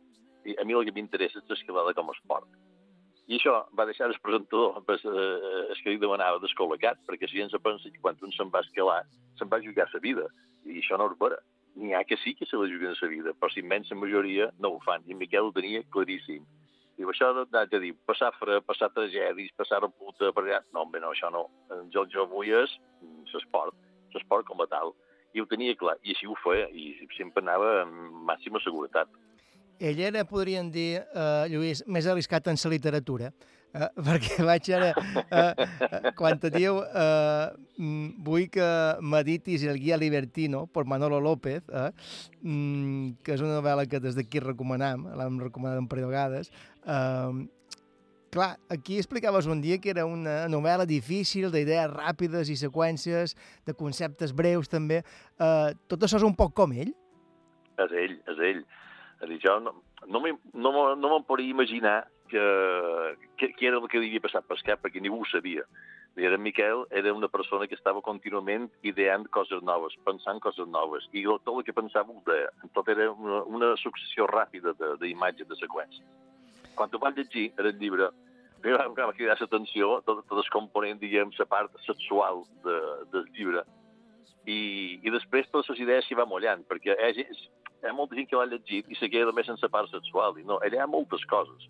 I de fet es va mullant eh, la visió que ell tenia de la vida i què en pensava de tot plegat. Sempre sot amb un to distès i de cachondeo i de riure i de tal. Era ell, i per tant, si, no l'heu llegit, jo vos ho recomano. És, és una, una lectura que vos, vos dirà un poc com funcionava el cervell d'en Miquel. Això ho va fer de tres dies ja de, de la seva vida. Que, que, que hagués escrit més i modè, diu, jo hagués escrit més coses i hagués entrat més gent, hagués fet posat més situació, però eh, és que no tens temps. I, I va anar a correcuita i va sortir pues, aquell llibret. Que, bueno, se recull que me'l va deixar per, per tots els amics. Miqui, uh, Miquel, no, no sé si l'ha llegit en el llibre d'en Miquel Riera, aquest del Guia Libertino sí, per clar. Manolo López. Clar, clar que sí.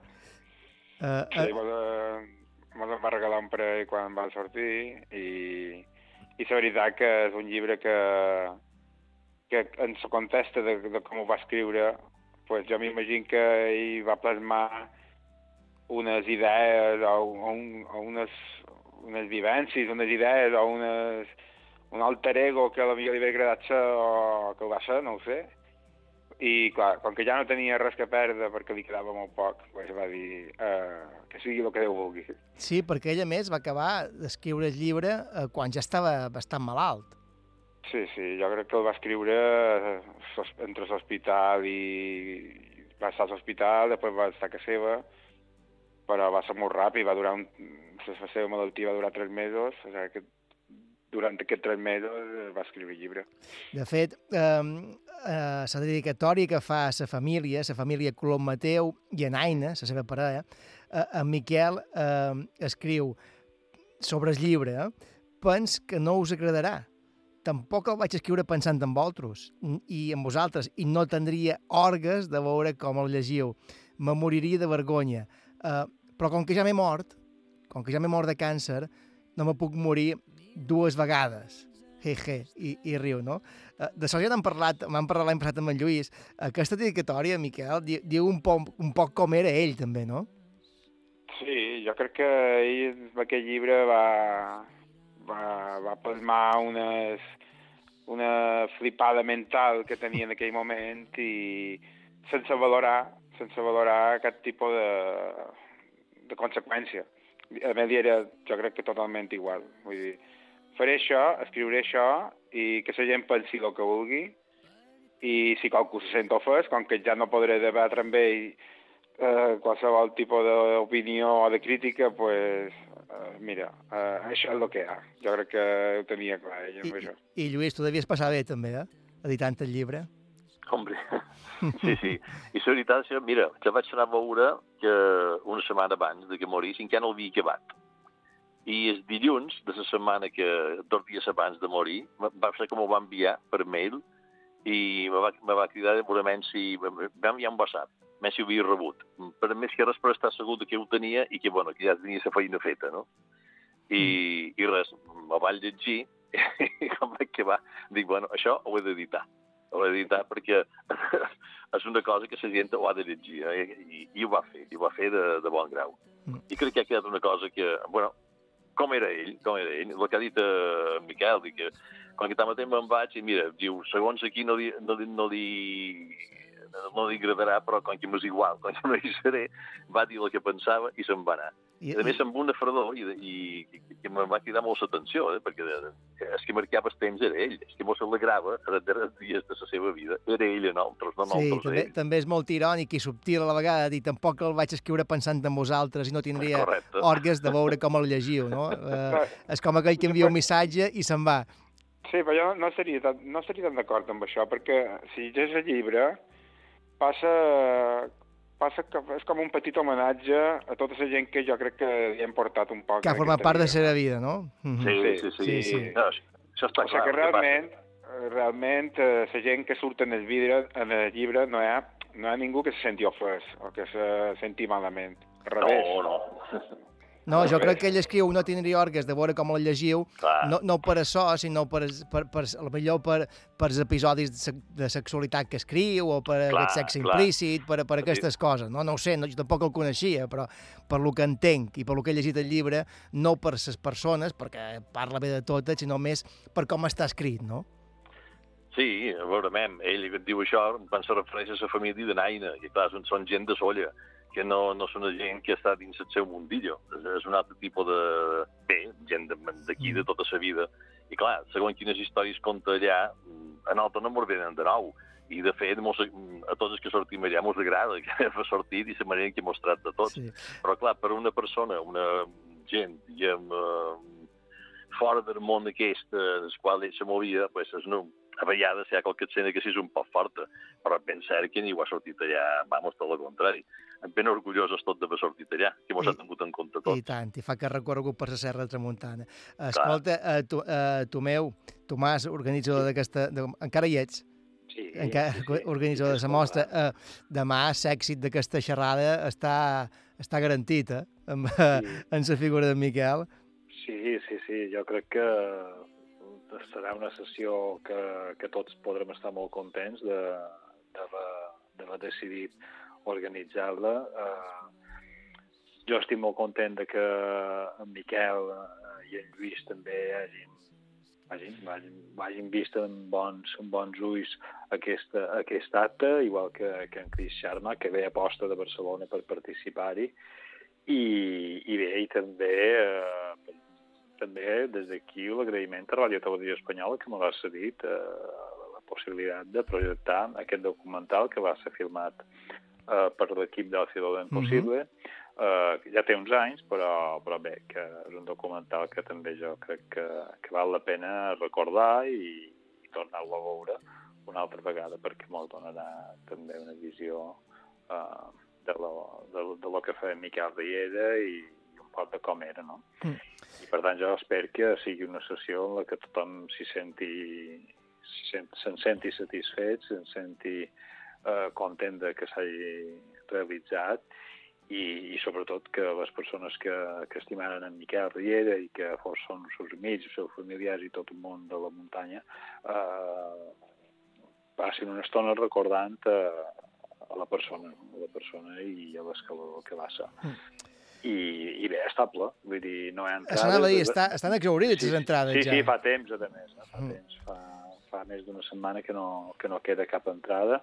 Uh, Mos han anat escrivint, demanant, uh, demanant entrades, però degut a la situació sanitària actual, l'aforament de, de les sales ara mateix està en un 50% i, per tant, eh, tenim un màxim de 180 butaques disponibles per al públic.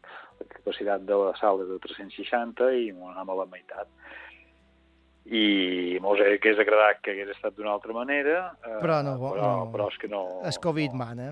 Eh, En aquest sí. sentit, no tenim, estem obligats a aplicar ja així protocols eh, sanitaris de prevenció i tothom haurà d'assistir a la sessió amb mascareta i amb la distància de seguretat que està establerta per, per les recomanacions, i, però tot i així jo crec que passarem una balada que, que bé, que, que tots ens sentirem satisfets d'haver-la d'haver preparat i d'haver-la duit a terme.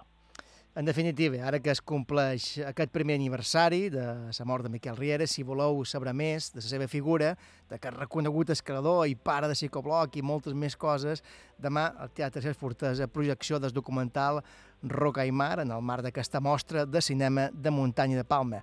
Com que ja no hi sou a temps, si no teniu les entrades, perquè estan exaurides, sempre podeu llegir la novel·la pòstuma que han comentat, eh, la novel·la pòstuma que han comentat una mica d'aquí, amb Miquel Palmer i Lluís Vallcaneres, no? el guia Libertino per Manuel López, que la recomanam, o també setembre, octubre, novembre, que és una espècie de dietari que Joan Miquel Oliver va escriure sobre la vida de, de Miquel Riera. Uh, Tomeu Tomàs, director de la mostra, i Lluís Vallcaneres i Miquel Palmer, apassionats de, de la muntanya i amics, sobretot d'aquest genial escalador. Moltes gràcies per haver estat a fent quilòmetres a tots tres i que vagi molt bé demà. Molt bé, moltes gràcies. Moltes gràcies. Gràcies, Lluís. Gràcies, Moltes Miquel. gràcies i bona nit. Bona nit. Bona nit. Adéu. Adéu, una abraçada. Adéu. Mil bilions en estrelletes Llums d'avions a pas fugaç Fem una aturada per la publicitat i tornant tot una en Carlos Sunyer, parlam avui de la carretera.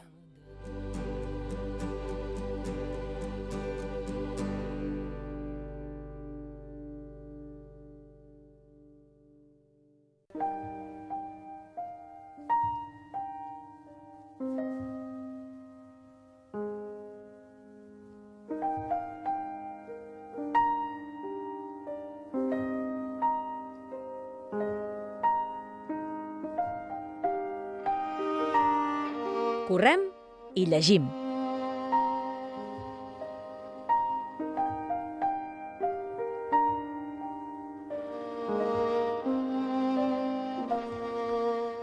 Entrem ja al darrer tram de programa.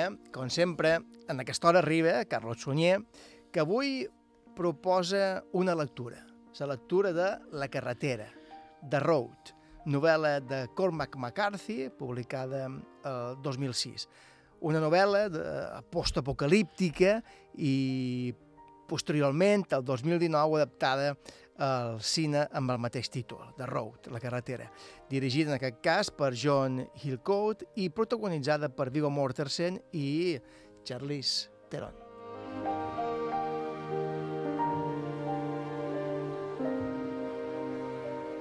Carlos Sunyer, bon vespre i benvingut un dilluns més a Fent Quilòmetres, també. Um, bon vespre, Joan. Bon Ara, digui, no contesta, no contesta que tom avui. Uh, com proposes avui aquest anàlisi, no?, de, de, aquest anàlisi de la carretera, de road, només per títol mm, ja sabem que els protagonistes tenen, tenen quilòmetres aquí per córrer i, i per fer, no? Qui- Quin, quina és la trama de la carretera?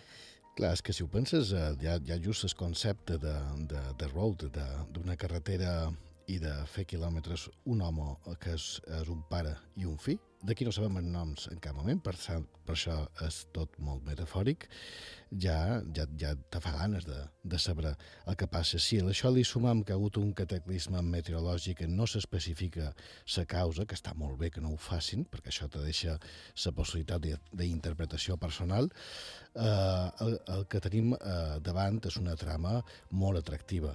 Aquest pare i aquest fill eh, aniran cap al sud, que és el darrer que diu sa mare, sa mare abans de suïcidar-se, per dir-se de qualque manera, és una dona que no va aguantar més, després de més de 12 anys d'estar tancats a una casa, eh, se- se'n va anar, és a dir, no, no va aguantar més, i aquest pare no és capaç d'acabar en la vida seu fill, conscient de que, de que el món té, té, està a punt d'acabar-se, perquè, clar, aquest cataclisme ha provocat una desaparició quasi completa de sa vida, per tant, la dificultat d'alimentar-se és extrema, i a sobre els pocs humans que queden, eh, la majoria d'ells practiquen el canibalisme, en, eh, formant bandes, és a dir, que és, tot és, és molt, molt hostil. És un món de cendres, un món que és, que és gris, on la mort reina i ho ocupa tot, on el fred és constant, i el que interessa moltíssim és la manera que ho escriu en, en McCarthy, perquè Norman McCarthy, per cert, és en Charles McCarthy, se diu Normac per homenatge a un rei irlandès, perquè és un home, recorda un poc a Salinger, és un d'aquests escriptors que és molt, és molt eremita, que no fa entrevistes, és difícil trobar una fotografia seva,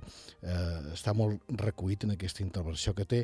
Li van donar el Premi Pulitzer per, per, per la carretera, eh, és a dir, que és una novel·la molt interessant. Jo diria que junten Delilo o Philip Roth són eh, els grans escriptors nord-americans que ara, i quan llegeixes la novel·la, la manera en què, en què ha eh, enllaçat, especialment els diàlegs que han d'aquests personatges, a vegades me, recorda Hemingway, a vegades Steinbeck, a vegades Faulkner, i és normal que se dugués al cinema. Ja ho varen fer en Los País para Viejos, que també és una novel·la seva, també extraordinari, o Todos los hermosos caballos, també, per cert, eh, Meridiano de Sangre. És a dir, que és un home que ha cultivat una literatura de molta qualitat i és difícil dur-la al cinema sense que resulti una pel·lícula a l'uso perquè, clar, quan la literatura és bona l'has de llegir i, i, si, i si, has, si has consumit el llibre perquè és de bona literatura, després aquesta pel·li eh, no, no t'abasta que està bé, està ben feta, però clar, el que jo recomano moltíssim és el llibre.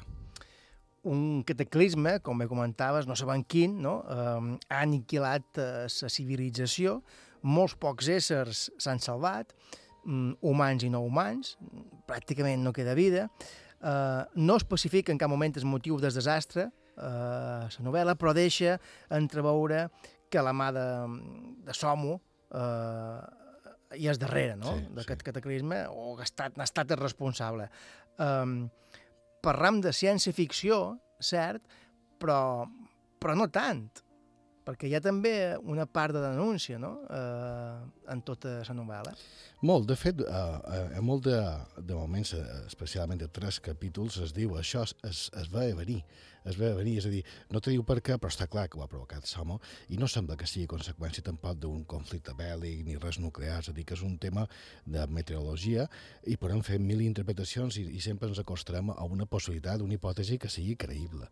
Uh, clar, ell uh, també va partir de la idea de la manca d'empatia, perquè és un home que ha viscut sempre a, una, a, un, a un peu a cada banda, Estats Units i Mèxic. De fet, hi havia el passo a Mèxic quan, i quan es va divorciar, eh, fins ara, ara està a Nuevo México, i sempre està preocupat pel tema de la immigració. És un home amb unes conviccions ètiques molt elevades, també religioses, i aquesta condició que d'abans també de- de- d'eremita eh, fa que aquest autoaïllament l'hagi produït eh, la necessitat d'analitzar la manca d'empatia eh, en quant a la supervivència amb una absoluta eh, eh, manca també d'interrelació. No? Ell pensa que, que l'ésser humà de dins eh, hi ha una, unes forces eh, fosques. És un poc molt elemental, perquè clar, si ho penses ell ho redueix a, a que està bé a que està malament, però si se quedàs només amb això i el personatge t'espera que és, és, és el més important, de fet, a vegades fa, te fa dubtar si existeix el fi, perquè clar, és un, podria ser fins i tot eh, una reminiscència d'ell mateix, um, travessa aquesta línia. És a dir, hi ha moments que, que quan llegeixes dius, hòstia, com s'ha passat aquest home, no? I això sí que està bé, no? Perquè si estiguessin sempre... mm, Sou des que duis el foc o no? Sou per... que, això seria molt, molt, Ara, ara molt parlarem, pueril. ara riurem aquí amb tot això Exacte. de, que vol dir si sou des que duis el foc o no. Uh, pare i fill han sobrevis, sobreviscut en aquest cataclisme, en aquest desastre climatològic, nuclear, vés a saber, um, han d'agafar carretera i iniciar un viatge. No llegirem el fragment de, de la novel·la, però sí que escoltarem uh, fragments d'aquesta pel·lícula de, del 2019. Una fugida que inicien cap a la mar.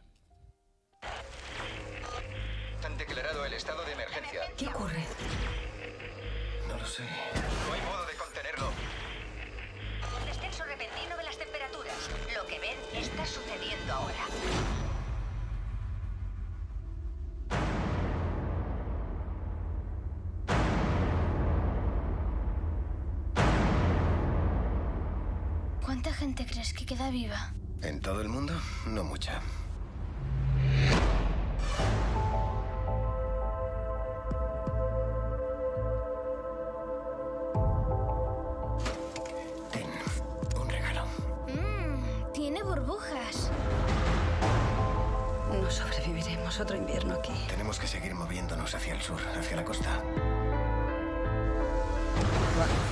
Inicien aquest viatge cap a la costa, cap a la mar, cap a la platja, i, i aquí és on comença un poc l'aventura, no? l'expedició de pare i fill eh, cap, a la super, cap a la supervivència. Però per què cap a la platja? Per què cap a la mar? Bé, en primer lloc, eh, eh, i està ben duit també la pel·li d'en John Hillcoat, per cert, molt bones interpretacions i una fotografia extraordinària, eh, perquè sa mare és el darrer que va dir abans d'anar-se, eh, anau cap al sud. No? Eh, I aquest home, eh, tot el temps, té records eh, molt nostàlgics de la vida que tenia de parella, l'estimació profunda que té cap a aquesta dona que els va abandonar, per, que va abandonar perquè no podia més. Um, I aquesta, aquesta mena d'objectiu ja ve inoculat per, per aquestes darreres paraules. I anar sud és, és la costa que tenen més a prop. I la idea de que l'oceà, que la mar, eh, estigui també eh, pertorbat per aquesta contaminació i aquest, aquesta, aquesta atmosfera gris i, i, i, i, i, i, i morta, és difícil de pensar. És a dir, creuen que eh, quan s'acostin a la mar poden trobar eh, algun, alguns llocs on encara estan al marge d'aquesta d'aquesta aquesta destrossa que s'ha fet de sa, de sa natura. I, i es, es viatge ja de per si és un objectiu, perquè clar, l'esperança no, no el pot perdre. Pensa que aquest home té un revòlver i li queden dues bales. Les dues bales són per Mm. ells, són per ells. És a dir, és molt crua la novel·la, és molt dura, però no pot deixar de llegir en cap moment, perquè necessites escoltar, eh, sobretot els diàlegs, i també el fet de que van per una... I per què van per una carretera? També, eh, també és molt... És que tot és molt metafòric, la novel·la, però, però té una lectura molt realista, també, perquè es, podria passar, ens podríem trobar en una situació tan extrema, sí. L'objectiu és arribar a la costa, a la platja, però entremig hi ha una lluita constant per, per sobreviure, no? que és, de fet, eh, totes les novel·les es viatja cap a, cap a la platja. Sí. No hi ha menjar i els pocs que han sobreviscut s'han convertit en, com bé comentaves abans, en caníbals. El chico parece hambriento. ¿Por qué no subís al camión? Si vuelves a mirarlo, te pego un tiro en la cabeza. Me parece que no has matado a nadie en tu vida. Al final los atraparán.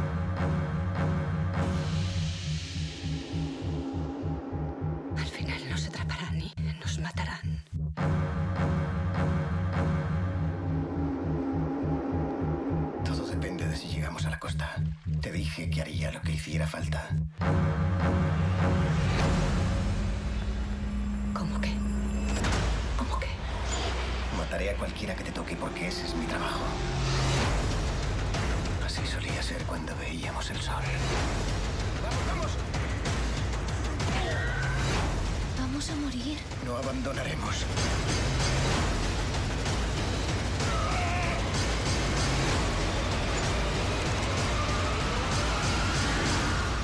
Sobreviviremos a esto. Aquest sobreviviremos és el lema constant de la novel·la i de, i de la pel·lícula. No en queda d'altre. Sobreviure vol dir no morir de fam i aplicar sempre mm, la llei del més fort. Clar, uh, i, i, i no, se, no contempla una altra possibilitat. No, no, un, una vegada que ha decidit no rendir-se, ja, uh, ja no, no, ha, sa- no ha opció de suïcidi. Ah, L'única és, és, és matar el fill perquè no tingui un, una mort pitjor, eh, és a dir, quan es, que el puguin atrapar aquestes bandes de, de caníbals. Però sí és vera, i això està, està, està fantàstic, és que, clar, el som és suficientment monstre com per prescindir de la imaginació en els relats de terror. I quan, i quan els reduïm en un moment de màxima hostilitat és quan surt allò de que Somos és un joc per a Somo, en aquesta novel·la queda molt evident.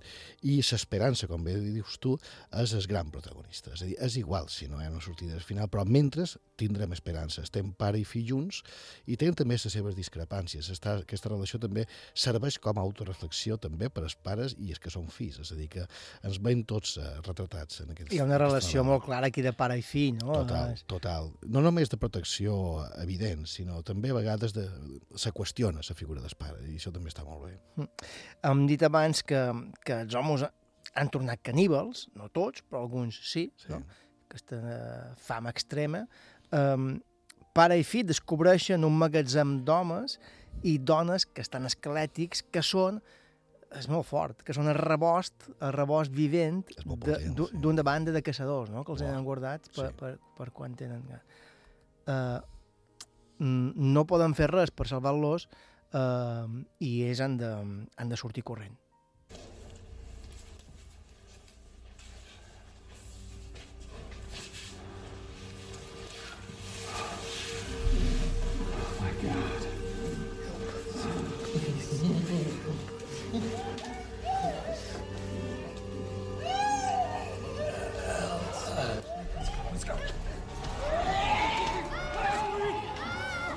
Clar, no hi ha diàleg, però és una escena de- d'horror mmm, que evidencia la misèria humana en tots els sentits. Ja no hi ha valors, ja no hi ha moral, només sobreviure a costa de, de la pròpia dignitat, gairebé. No? Eh, és ine inevitable en, en aquest punt pensar també, no sé si estaràs d'acord, crec que sí, amb, amb el manuscrit de segon origen, no? de Manuel Totalment. de Perolo. Eh, aquí els protagonistes són pare i fill, allà són Nalba i, i, i en Didac, de 14 i 9 anys, però també s'enfronten a aquest tipus de de- d'escenes. És molt semblant. Jo arribo a pensar que McCarthy va llegir la novel·la de Mecanoscrit perquè és que, i si no, són casualitats que el món de la literatura es, es produeixen perquè és cíclic l'aparició de temes i subtemes, però fa pensar, i de, i de fet, si fos una novel·la, la de Mecanoscrit, escrita per un nord-americà, tindríem moltes pel·lis molt bones perquè algú se mereix. És a dir, és molt semblant. És, és veritat que Mecanoscrit eh, té com a, com, a, com a causa principal eh, eh, el tema dels alienígenes, però és igual, és un viatge, en compte de pare i fill seria més una parella, eh, que van madurant a mesura que van avançant i és molt, molt semblant, queden molt pocs éssers humans, és a dir que sí, clarament podem fer aquesta comparació. Eh, aquesta escena és terrible, és esgarrifosa, més en el llibre encara, perquè pensa que ells corren des que corren i els que corren volen eh, sobreviure. clar. és a dir, Clar, tothom, clar. tothom corre... És aquesta cadena el que... Eh, efectivament, i estan vius, perquè clar, si aquest rebost eh, els vessin morts i els conserven com a can, seria dur, però és que els mantenen vius perquè estiguin freds, és a dir, és com, com si fos una granja, no? Eh, I a sobre molts d'ells estan mutilats, la novel·la eh, eh, entra més en detall i encara és més esgarrifós. Eh, jo em va posar la pell de gallina, i sí està ben aconseguida eh, l'escena, la pel·lícula també. És a dir, te, te, te, te- te fa que entris en aquell soterrani que és I vulguis sortir corrent. Sí, és que això és com en Dante baixant a, a l'infern Sí, de totalment, Di- Divina totalment. Comèdia, és a dir, cada vegada més a baix.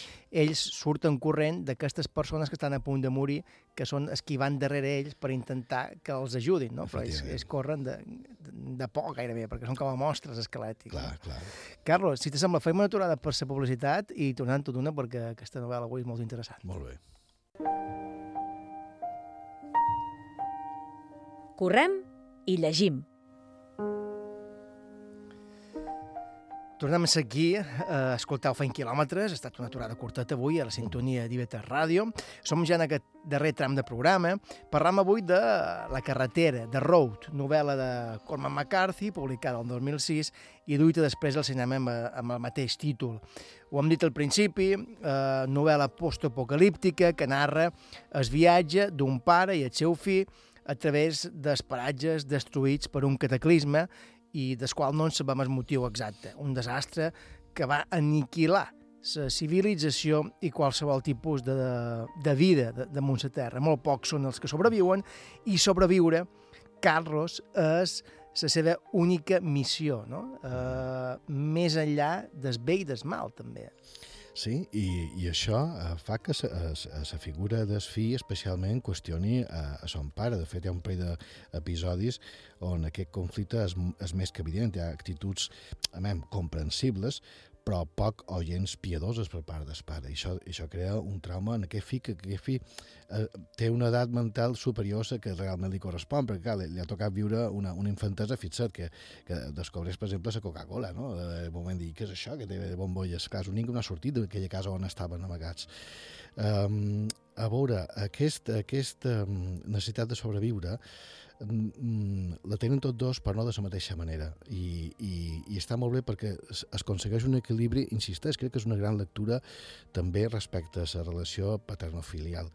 Uh, curiosament, ara que escolta la banda, m'ha vingut ara, la banda sonora que, mm, que era feta per Nick Cave i en Warren Ellis de, de The Bad Seeds, aquest australià que era, destaca les seves balades que semblen d'en Cohen o d'en Waits, el que van fer aquests dos, és pensant en la pel·li, per adaptar-ho a aquesta idea de que, to, de que són diferents, però a la vegada se necessiten, clar, òbviament, pare i fill, però que tenen visions diferents del que és sobreviure, és cada vegada que sona el piano es representa el pare i cada vegada que sona el violí representa el, el, el, el fill.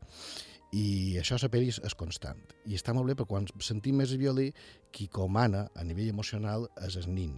I quan sona el piano és el pare. I a vegades que el piano aporrea a tope perquè el nin en aquell moment ha de callar, perquè son pare és el que s'ha de jugar la vida. Eh, És a dir que fins i tot això està estudiat i en el llibre ho tens mentalment. Per això vaig estar molt content quan vaig sentir aquesta banda sonora perquè, hòstia, han aconseguit això que jo mentalment tenia quan llegia, Mhm. que era aquesta, aquesta mm, dicotomia pare-fi que tenen una, una visió diferent del que està passant i a la vegada ho estan patint igual. En qualsevol cas, tant agafi força el fill com agafi força el pare, el que hi ha sempre és una determ determinació vital per les dues parts, no? Total, total. Formen un, sí. I, aquesta determinació vital per sobreviure eh, la trobam molt bé a la següent escena. Es troben cara a cara amb, amb, un, amb un home que els havia robat mentre, mentre dormien.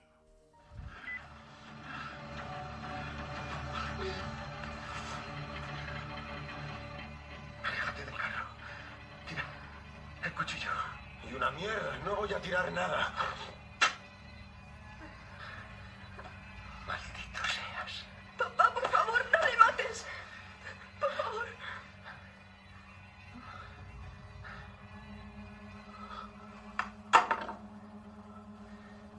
No el matarà, però com si ho fes, no? Eh, El deixa nu, sense menjar, i tot sol a la intempèrie enmig d'un clima gris i fred. Per allò penses, aquest pare eh, mm, és una mala persona, però en realitat, mm, si el deixa viu, és un, un possible butxí de, fill, també, no? Sí, i, i, i malgrat no ho sigui, malgrat que dinrere, perquè és un home que a la novel·la està, està molt debilitat, i a sobre el, ha robat, a, quan el nin estava dormint a la platja, mentre es pare va anar nedant a un vaixell que estava encallat i de fet aconsegueix una pistola de, de bengala. I quan torna troba que s'han duit totes les seves coses, i el de compra també, que, que, és el que empleen per, per anar per la carretera, eh, l'ha robat aquest. Um, poc podrà fer després, eh, però el deixa en pilotes, és a dir, és, realment el mata. I el mata davant el fill d'una manera no, indirecta. Um, recorda també una escena anterior on troben un vell i el vell veu el fill i pensa que ha mort, perquè fa 10 anys o més que no veu un nin. I pensa que és un àngel que ve a cercar-lo. Ah. I aquesta escena és molt guapa. Son pare no sent absolutament res per aquest vell, al contrari, pensa llevar-li la roba també per, per, per combatre el fred, i és el fill que li convenç de que li doni una llauna de, de, de fruita. És a dir, que gràcies a la fi piada. Ja, ja a prop del viatge, eh, es fi arriba a la platja, allà on s'havien proposat arribar juntament amb son pare, no? però tampoc resulta ser finalment el refugi i paratge idíl·lic que, que havia imaginat.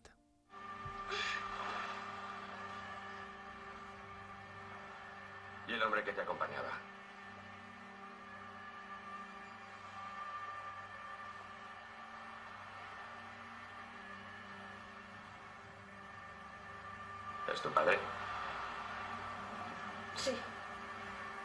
Papá. Creo que deberías venir conmigo.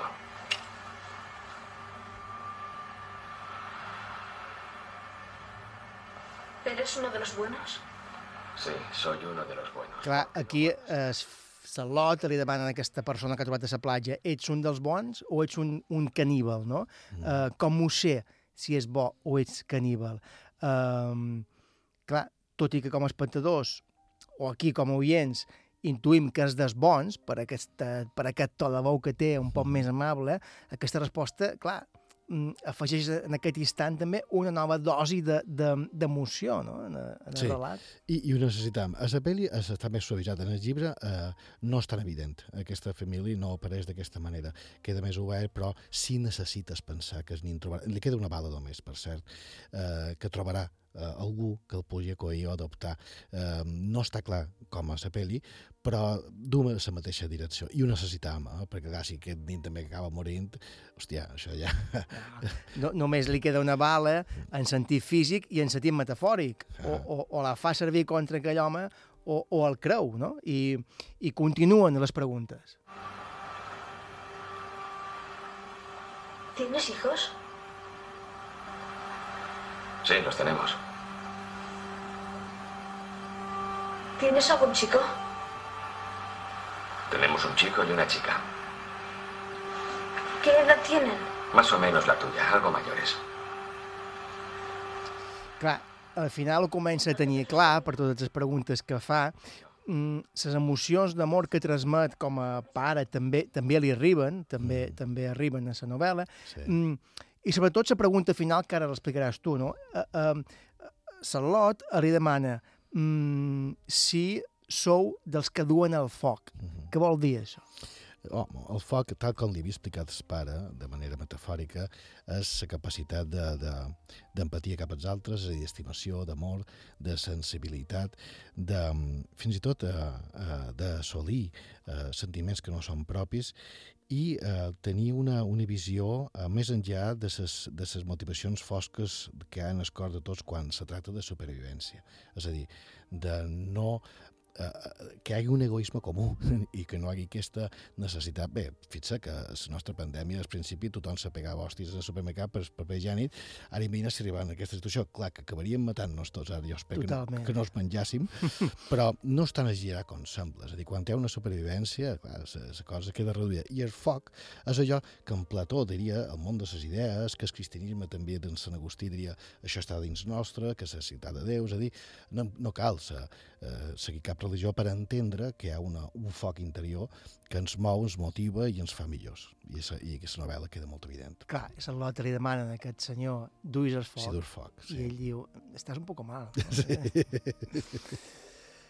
La carretera, The Road, novel·la de Cormac McCarthy, publicada el 2006 i duita després al cinema amb el mateix títol. Novel·la que recorda, ho han dit aquí, molt, eh, si l'heu llegit, i també l'han comentat aquí, el van comentar l'any passat, sí. Mecanoscrit de segon origen, no? de, de Manuel de Pedrolo. Aquí, a The Road, els protagonistes són un pare i un fill, a Mecanoscrit són Nalda i en Dida, de 14 i 9 anys, però la trama, el contingut i la visió apocalíptica ve a ser mm, similar, no? Molt, molt similar, Mentre hi ha camí, mentre feim, mentre feim carretera hi ha esperança de, de sobreviure. La carretera, la carretera de Road, eh, ha estat aquesta adaptada posteriorment, com bé has dit, en el cine, amb el mateix títol. Dirigida per John Hillcoat i protagonitzada per Viggo Mortensen, Viggo Mortensen i Charlize Theron. Gran proposta avui, aquesta, Carlos. Ha estat bé, ha estat bé, sí, sí, sí. sí, sí, sí Molt sí. recomanable. Molt recomanable. La setmana que ve una altra. I clar que sí. Igual que aquesta. Ja sé, bé, ho intentarem. Fins aquí el programa d'avui, amics i amigues. Uh, tornem dilluns que ve. Salut i quilòmetres. Bona nit. Hello, darkness, my old friend. I've come to talk with you again. Because a vision softly creeping left its seeds while I was sleeping. And the vision that was planted in my brain still remains within the sound of silence restless dreams I walked alone. Narrow streets of cobblestone, neath the halo.